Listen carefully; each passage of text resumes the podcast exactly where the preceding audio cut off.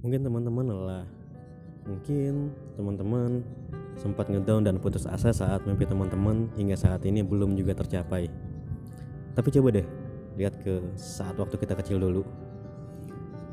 Kamu ingat nggak waktu pertama kali kamu belajar jalan?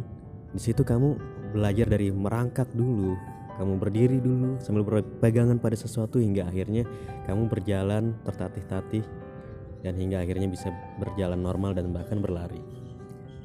Tapi apa yang terjadi kalau dulu misalnya kamu menyerah, tidak berani bangkit dan berhenti mencoba untuk berjalan, mungkin sampai saat ini kamu tidak akan bisa berjalan.